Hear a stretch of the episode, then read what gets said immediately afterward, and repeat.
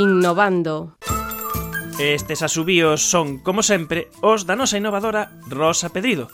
Moi boas tardes, Rosa. Hola, moi boas tardes a todos e a todas.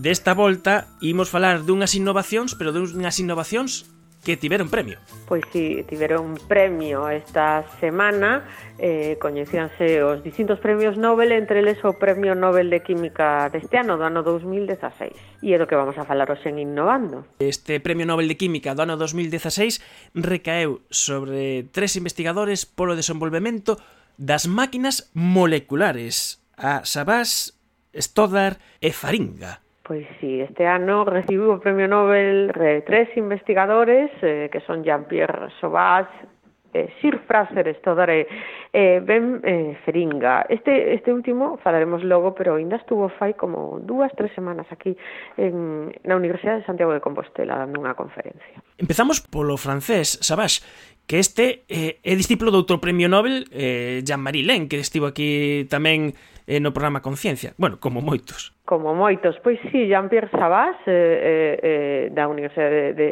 de Estrasburgo, un discípulo de un dos moitos discípulos de, de Jean-Marie eh, Len e eh, en concreto pois eh, recibiu o premio eh, Nobel por ser capaz eh, de, de construir unhas moléculas que se chaman os catenanos, que quizás temos que explicar, Manuel, que son os catenanos. Pois sí, porque pero non me di bastante, dá bastante información.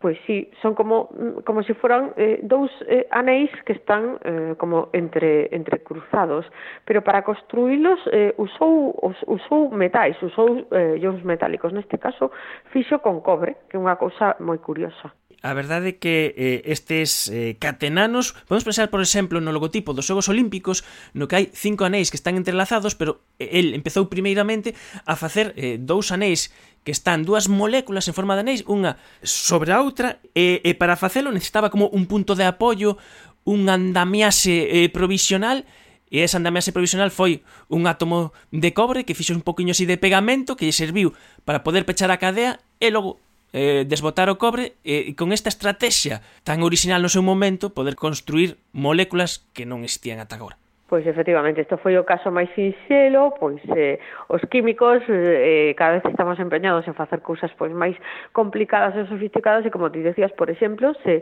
hoxe eh, se pode facer químicamente en forma de molécula pois os anéis olímpicos, por exemplo, ou incluso eh, cousas máis sofisticadas. Eu non sei se os nosos seguintes coñecen o que, por exemplo, o, o anel borromeano. Eh, non sei se a ti che sona, Manuel. Pois si son como tres anéis entrelazados eh, que ademais son moi característicos, que os vemos eh, e se parecen moito eh, ese mm, ese cartel que pon Danger eh, nuclear, que son sí. como eh, tres anéis eh, xuntos eh, son estes, non? Pois efectivamente, seguindo esa estrategia que ti comentaches de empregar un punto de anclaxe, un punto de unión que generalmente un, un metal, pois logranse conectar pois un gran número de anillos eh, desa maneira e en moitos destes casos se pode sacar o metal e logo se poden facer moitísimas cousas con eses anéis eh, entrelazados. Digamos que este foi o, o un pouco como o punto de, de partida do, do premio Nobel que se, que se concedeu a estos, a estos tres grandes investigadores. E ti esta química explicas nas, eh, nas, nas túas clases. Eu, eh, eh, para min, eh, eh, este premio Nobel foi, foi unha inmensa alegría porque me permitiu recordar. Eu fai, eh, impartía na, eh, en, en química, fai algúns anos unha asignatura donde explicábamos eh, eh alá por, por quinto da licenciatura de química o concepto este de máquina molecular e parecía naquel momento algo de ciencia ficción.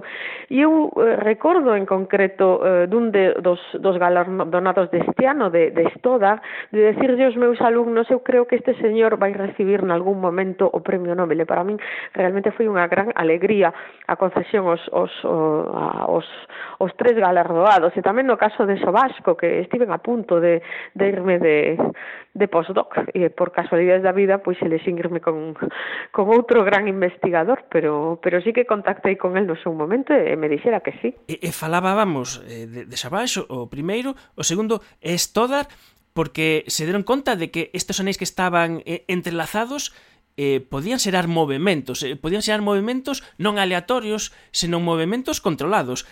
Eso é importante. Eh, bueno, Stoddard eh, é un químico británico, escocés, -huh. escocés que ten unha, unha historia moi curiosa que se si queres ti podes contar eh, de como foi a súa infancia. Bueno, eh, eh, eu das cosas que lín, unha das que me chamou moita atención que pon a, nota do, do Comité Nobel eh, que el eh, vivía nunha, nunha granxa, non sei se era unha granxa de porcos, alá en Escocia, na que, bueno, como moitos sitios que, que había en Galicia, pois non tiña, en determinada época non tiña acceso a luz, nin electricidade, e que polo tanto, bueno, pois eh, non tiña televisión nin cousas destas, eh, pasaba de, de raparigos todas moito tempo facendo e construindo quebracabezas, facendo eh, puzzles, eh, probablemente eh, esa, esa mente espacial de, de construir en, en tres dimensións logo aplicou a química pois aplicou a química. De feito, isto do anel borromeano do que falamos antes, eh, eh, pois o que, que o fixo realmente tamén foi estudar. Pero quizáis a especialización de estudar eh, ben noutro tipo de, de moléculas eh, que se chaman os rotaxanos. Os rotaxanos, como podemos explicar que son? Pois son como un anel e polo medio lle colocamos unha fía. E entonces o importante eh, eh, é que eh, eh con esa fía pois podemos facer movimentos e sobre todo, o máis importante, podemos facer movimentos controlados eh, pois empregando, por exemplo, a luz, empregando, por exemplo, eh, a química, por exemplo, meténdolle aí un metal, empregando, por exemplo, a electricidade. É dicir, estamos falando de moléculas que se moven dun xeito eh, controlado. Eh, efectivamente, estamos falando de motores moleculares. E un exemplo moi gráfico é que eh, Estodar foi capaz de sintetizar eh, unha molécula que hoxe en día o coñecemos como o músculo molecular, porque era unha molécula que se expandía e se contraía pois dependendo do eh, estímulo estímulo que lle, que lle metésemos. E outras moitas cousas que, que fixo Stoder, eh, por exemplo, aplicou estes rotaxanos que el sintetizou como, como chips eh, eh e moitas outras cousas. Eh, Fraser Stoder ten unha, unha carreira investigadora importantísima e, e longuísima. O terceiro é Feringa, que como dixemos andou eh, pola Universidade de Santiago polo CICUS, porque o que falamos isto da, da, das relacións que se establecen entre os científicos, eh, por exemplo, tres investigadores de CICOS sí que fixeron efectivamente o seu postdoc con, con Feringa. Pois pues, efectivamente, neste momento tres, tres investigadores, colegas meus que están no CICOS, pois pues, eh, sí que fixeron parte da súa da súa eh, desenvolveron da súa actividade investigadora con, con, con Ben Feringa e, e, eh, eh, e todavía se mantén esta colaboración importante con, con algún dos, dos grupos que traballa nese centro de investigación digamos que ben feringa, é o, o máis xoven eh, quizáis dos tres, e eh, digamos que eh, foi un, dou como un paso máis a desto do, e eh, desenvolveu moléculas que son capaces de, de moverse como se foran un coche. Eh, pois, pois parece unha cousa parece unha cousa de ciencia ficción, pero é unha cousa real, é dicir, moléculas que son capaces de moverse de forma controlada como se fora un coche, que teñen partes que rotan e fan que a molécula se mova. Son os chamados motores moleculares.